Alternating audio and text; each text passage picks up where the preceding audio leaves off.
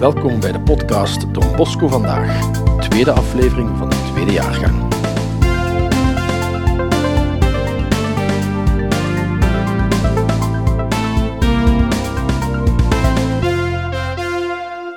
Voor deze aflevering kozen we voor het thema vieren. Niet zomaar, natuurlijk, omdat dit ook heel belangrijk was voor onze Don Bosco in zijn oratoriowerking.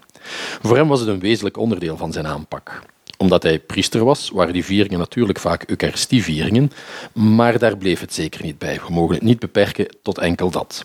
Hij nam gebruik van vele grote en kleine gebeurtenissen in het oratorio om de dagelijkse werking even neer te leggen en te vieren. Maar waarom was dat precies zo belangrijk voor hem? En waarom zou het ook vandaag nog interessant kunnen zijn voor ons in Vlaanderen en Nederland om te vieren? Daar staan we bij stil tijdens deze aflevering. Wat is vieren precies? In welke vormen kan er gevierd worden?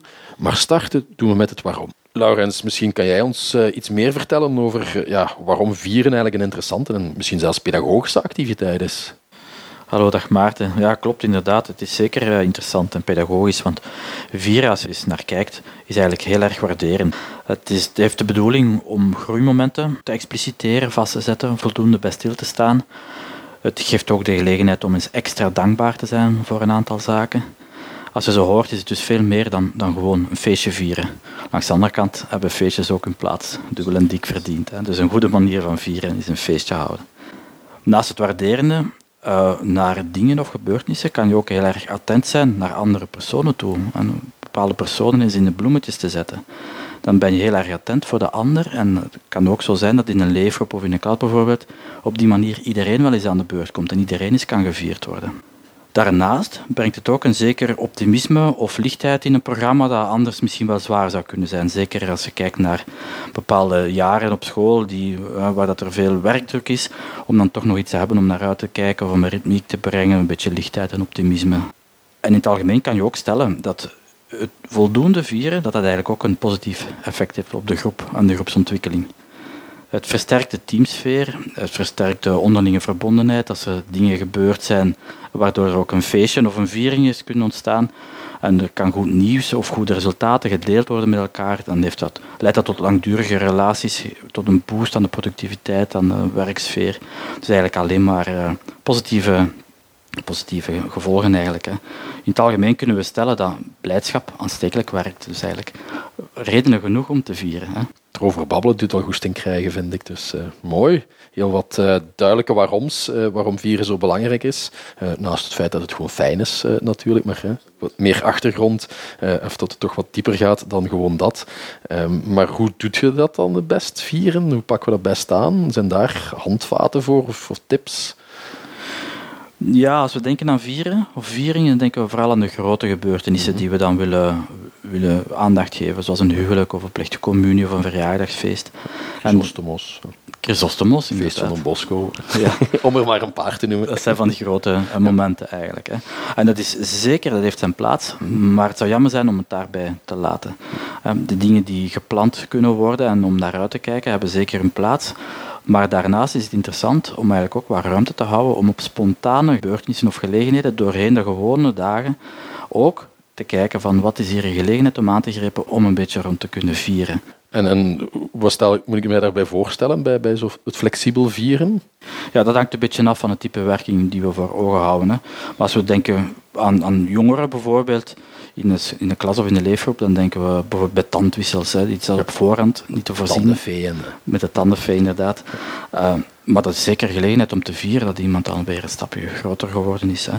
Of als, er, als we weten dat er in het weekend belangrijke gebeurtenissen zijn geweest, bijvoorbeeld een wedstrijd van de voetbal die gewonnen is of een dansvoorstelling, dat is toch ook altijd wel eigenlijk een moment van groei, wat dat het fijn is om in de week even bij stil te staan. Zonder dat er dan inderdaad met champagne geknald moet worden, maar ja, het moment aangrijpen om dat even ja, te vieren in de picture te zetten, is eigenlijk ook een, een viermoment, uh, neem ik aan dan. Ja, absoluut, absoluut. Ook bij het uh, afronden van, van bepaalde periodes, bij een verhuis bijvoorbeeld, of bij iemand die van een ziekte terugkomt, of iemand die uit het gips mag.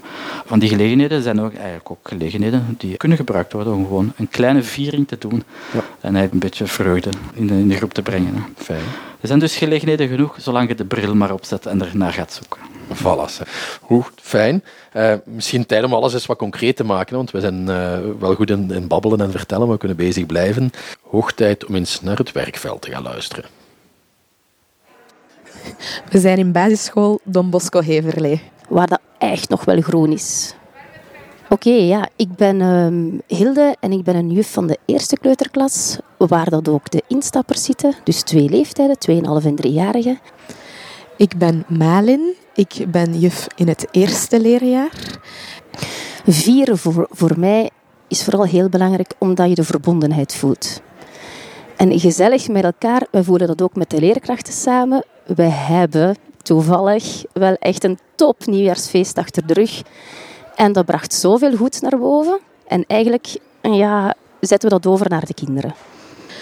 Niet alleen op het feest, maar ook de volgende dag gewoon terug op school voel je dat de sfeer weer veel, allez, veel beter is. Niet dat die daarvoor niet goed was natuurlijk, maar je praat terug over het feest. Het was, allez, je voelt gewoon dat je ja, samen nog iets extra hebt meegemaakt buiten de alledaagse dingen die elke dag gebeuren op school. En dat was heel leuk om samen nog eens iets anders te doen dan het lesgeven gewoon. Ja, was heel fijn. Feestvieren of vieren voor mij is ook um, ja, samen zijn met familie, met vrienden, met, met de kinderen op school. En het elkaar ook, elkaar ook plezier gunnen van iets geven, iets krijgen, genieten van elkaar, van elkaars aandacht. Je hoeft ook niet altijd per se iets te krijgen of te geven. Soms is gewoon samen zijn al meer dan genoeg. Dat vind ik heel erg fijn aan vieren.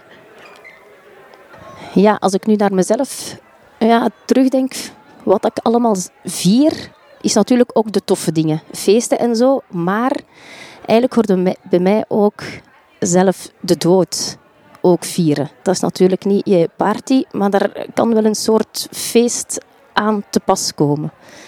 Dat je, ja, het herdenken ook vooral. Dat dat toch ja, een verbondenheid schept. Ja. Om stil te staan bij dingen en samen daaraan te denken. En kinderen, ja, zij doen zoveel op een dag. En als je iets viert, dan sta je echt stil bij iets en dan praten we daarover. En dan, ja, dan babbelen we, dan zingen we, dan dansen we. En daardoor leeft dat ook nog. Dingen die anders misschien vergeten zouden worden. Wat wij bijvoorbeeld in de klas doen, telkens als een nieuwe maand aanbreekt, dan blikken wij vooruit. Dan toon ik de maandkalender aan bord. Dan blikken wij vooruit. Wat gaat er deze maand allemaal gebeuren? Dan zijn dat alledaagse dingen zoals we gaan zwemmen op maandag. Maar dan is dat ook, ah, binnen twee weken is het carnaval, dat gaan we vieren. Dan is dat kindje jarig, dat gaan we vieren. Oh, dan is het Valentijn, dat gaan we vieren. Dan is het Wereldknuffeldag, dat gaan we vieren. Dus eigenlijk valt er heel veel te vieren.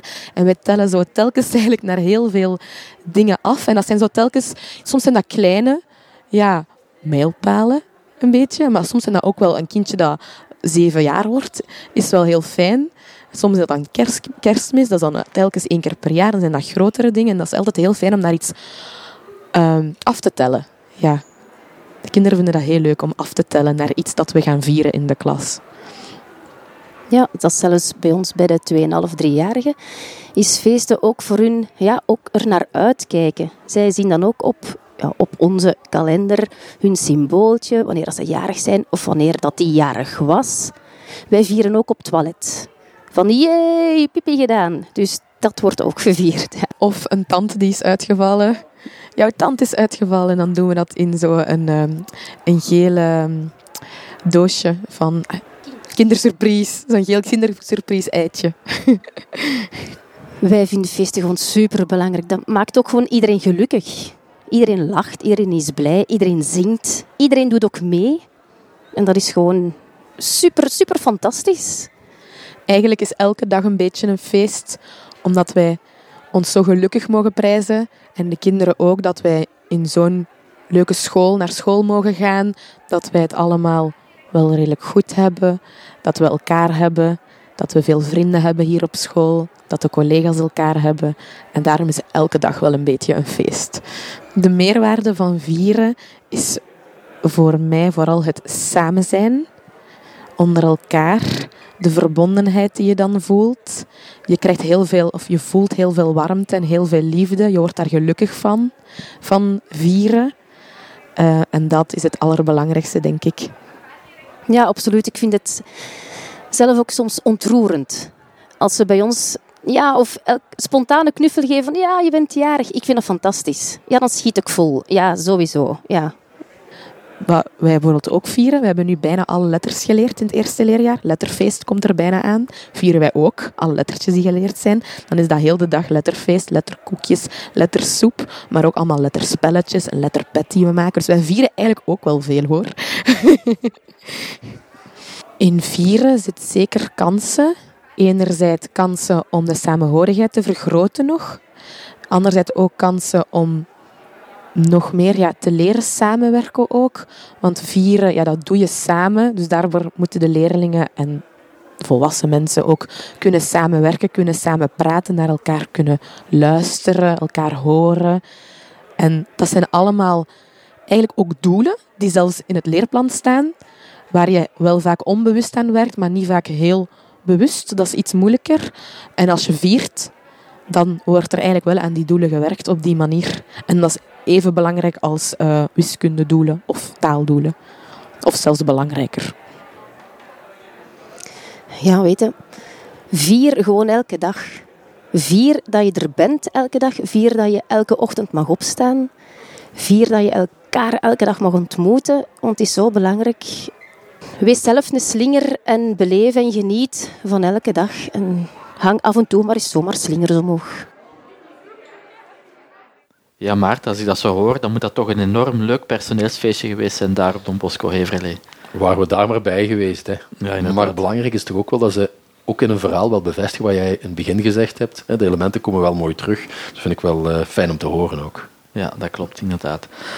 We hebben nu de leerkrachten aan het woord gehoord, maar misschien is het ook wel eens leuk om naar de jongeren te gaan luisteren. Ja, daar zijn we ook gaan luisteren inderdaad, naar uh, ja, wat zij verstaan onder feesten en vieren en hoe zij daar naar kijken. Hè.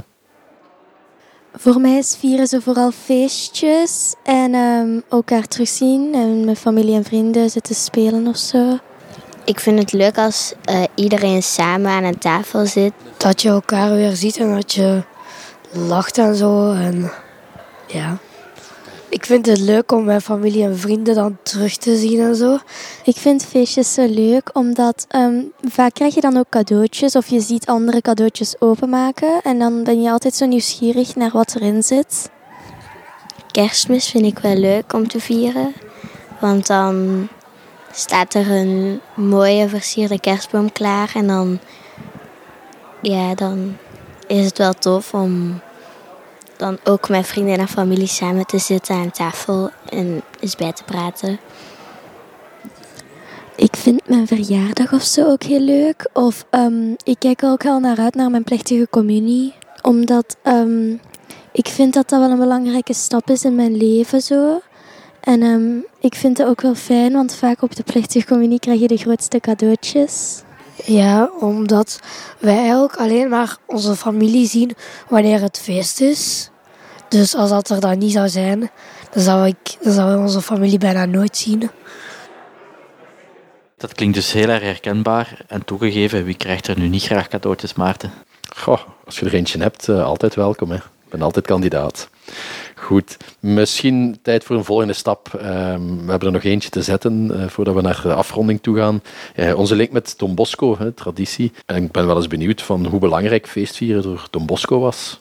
Heel belangrijk zou ik zeggen. Ehm, eigenlijk kun je zeggen dat Don Bosco elke gelegenheid aangreep om met de jongeren feest te vieren. Of te vieren. Uh, en hij had geluk, hè. er waren veel kerkelijke feestdagen, er waren veel heiligen om te vieren, er waren veel patronen eh, die ze dan konden vieren. Maria-feestdagen, nou, dat was heel belangrijk voor hem. Dus uh, al die gelegenheden werden eigenlijk door Don Bosco aangegrepen. Om met jongeren uh, een soort breekpunten eh, te geven in, het, in de dagelijkse sleur. Hè. Om, om een soort markeerpunt, een soort ritme te brengen in, in het alledaagse leven. En hij had eigenlijk wel verschillende redenen om, uh, om dat zo belangrijk te vinden en om daar zoveel energie in te steken en zoveel aandacht aan te besteden. Ik denk misschien wel de belangrijkste, de eerste reden is de rol die de vreugde in uh, opvoeding had voor hem. Voor hem was dat essentieel. waarom? Omdat hij dat een heel belangrijk teken van Gods aanwezigheid vond.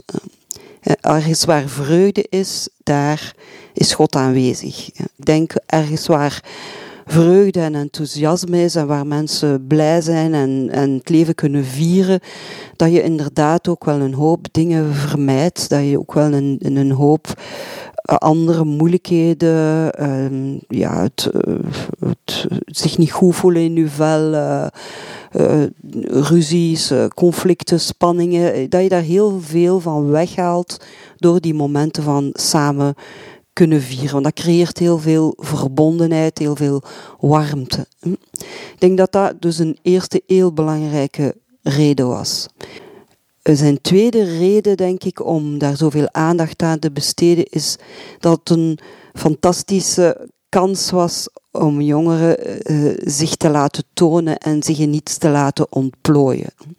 Feest, dat was uh, niet iets dat top-down gebeurde in Valdoco. Feest, dat was iets dat ze lang voordien al voorbereiden en zo heel de spanningsboog opbouwen naar een feest toe. Eigenlijk is dat ook wel belangrijk. Je verwachting creëert bij jongeren. En waar dat hij dan ze ook van alles liet doen. Hè. Toneel, zang, dans, speeches. En zoveel mogelijk jongeren werden daar ook bij betrokken. Zodat iedereen wel iets kon doen. Het is eigenlijk een hele mooie manier om jongeren te laten uh, uitblinken die misschien dan op andere vlakken binnen het schoolse gebeuren niet altijd het zo goed doen, maar om hun talenten te tonen en zich een keer te kunnen tonen. En um, ook om jongeren te laten samenwerken. Want ja, zoiets lukt maar. Een toneel, een, een koor, uh, uh, een hele opvoering geven, een hele regie daarvan. Dat lukt maar als je kunt samenwerken. En dat is ook een kans om jongeren verantwoordelijkheid toe te schuiven. Wat dat ook weer al zo'n belangrijke hefboom voor hem was. Hè. Mensen, jongeren laten oefenen in het nemen van verantwoordelijkheid. Want er is een deadline, je moet een resultaat neerzetten, alles moet klaar zijn. Je komt altijd van alle uh, obstakels en problemen tegen die je dan moet oplossen. Dus dat is eigenlijk een hele mooie oefenschool. En eh, eigenlijk was dat mooi dat Don Bosco daarin ook creatief was en daar ook buiten de lijntjes kleurde van wat er gebruikelijk was. Want bijvoorbeeld een koor um, met jongeren doen, dat was toch wel iets uh, ongewoon. Want in de meeste kerken in de omgeving had je dan wel uh, zang en muziek, maar dat was dan een ingehuurde professionele zanger, die dan de zang zou doen voor de viering. En, en Don Bosco die doorbreekt dat, die, die laat dat niet aan professionals over, die, die gaat dat gewoon met zijn jongeren doen. Die maakt een koor. En gaat, hij had trouwens geluk, Caliero, een van zijn eh, jongeren die bij hem opgegroeid is en dan Salesiaan geworden is, was een uh, hele goede muzikant, heeft heel veel muziek geschreven hè, voor, uh, voor hun. Hè. En dus dat koor ging optreden. Dat was trouwens zelf een bekend koor, want ze werden dan ook gevraagd, juist omdat het iets nieuws en iets anders was in de omliggende kerken. En de jongeren gingen bijvoorbeeld ook in de consolata gaan optreden. Dus daar zat al heel veel kansen in. Ik denk een derde uh, iets dat bij hem altijd meespeelde, dat is het, dat een inherent pedagogische waarde, maar hij, gaf dat ook een inhoudelijke pedagogische waarde. Wil zeggen, voor hem was dat een moment van waardenoverdracht. Omdat feesten momenten zijn waarop dat boodschappen gegeven worden. En dat zijn boodschappen die ook beklijven. Omdat die boodschappen ook op een hele integrale manier doorgegeven worden. Niet alleen met woorden, maar met muziek, met licht, met, met alle zintuigen eigenlijk worden aangesproken als je um, aan het feesten bent. En, en, de hele beleving, de waarde wordt doorgegeven door de hele beleving. En dat was voor Don Bosco ook eigenlijk heel belangrijk. Hè? Van doorgeven van waarden, maar waarden die, die echt binnenkomen, die, die raken en die de jongeren transformeren. Hè. Zo van na het feest hè, je komt niet, zijt je niet dezelfde meer. Er is iets met u gebeurd. Ik denk dat we allemaal wel die ervaring kennen, herkennen. Als je zo eens een heel mooi, intens vieringsmoment hebt meegemaakt, van, ja, dan dat doet iets met u. En, en de dingen die dan gezegd worden, of dan getoond worden, of dan beleefd worden, die, die, die dringen heel diep binnen. En dus um, dat was voor hem belangrijk. Ik denk dat dat de drie belangrijkste redenen zijn. Naast het, uh, het, het uh, misschien ook nog wel het, ik heb het eigenlijk al genoemd, het, het, ritme. Hè. Het doorbreken van het dagelijkse, uh, omdat jongeren zo ja, iets hebben om naar uit te kijken en markeerpunten hebben die, die de, de sleur doorbreken. En misschien nog een, een, nog een elementje om te noemen is dat Don Bosco bij die feesten dat dat ook een, een hele grote kans was om de omliggende community uh, te betrekken.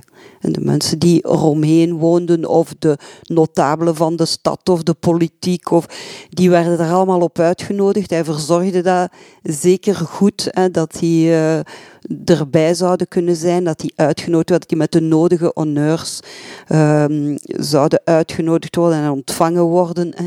Dat is natuurlijk de beste PR, de beste reclame die hij kon hebben voor zijn werk.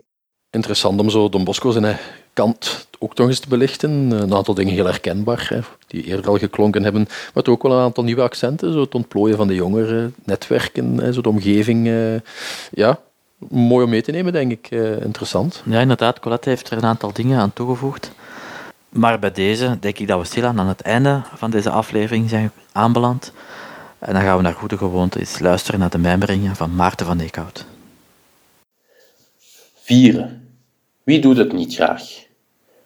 Voor elke grote gelegenheid bestaat er wel een feestje. Je kent ze wel. De jaarlijkse kerst, communie, verjaardag of familiefeestjes. Vieren, het zit ons dan ook in de genen. We weten vaak hoe het loopt. We starten met een glaasje en eindigen met een broeksriem die naar het eind wat meer begint te spannen. Maar samen vieren hoeft niet altijd groot te zijn. Het zit hem ook in alledaagse dingen.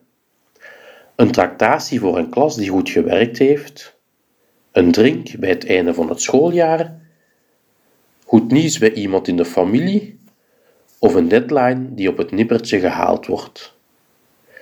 Als je goed oplet, vind je altijd wel iets kleins om te vieren. Het zijn mooie kansen om te benutten. Ze verbinden mensen, creëren sfeer. Het zijn rustpunten in ons drukke leven. En nu trekken wij een flesje open, want de podcast is weer klaar. En zo zijn we aan het einde gekomen van deze aflevering. Bedankt voor het luisteren en als je het goed vond, vertel het zeker voort.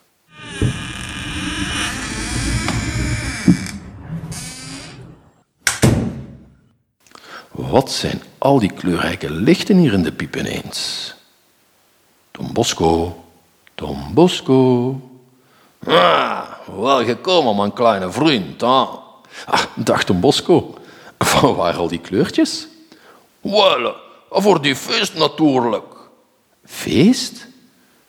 Ja, luister. Een moeder moet zeven aardappelen onder haar acht kinderen verdelen. Hoe doet ze dat? Oh, wacht. Ik ben een beetje in de war. Heb jij nu een raadsel voor mij? Ha, dat had je niet gedacht, hè? Maar jij mag ook eens in de picture staan, hè? niet waar? Dank u. Maar uh, zeven aardappelen onder acht kinderen verdelen? Hm, dat lijkt me wel heel moeilijk. Maar, helemaal niet. Je maakt er frietjes van. dat ik daaraan niet gedacht heb. Frietjes, ja, dat hoort bij feesten en gezellig met z'n allen samen zijn. En, ik zie dat je het begrepen hebt. Jij is kavuit.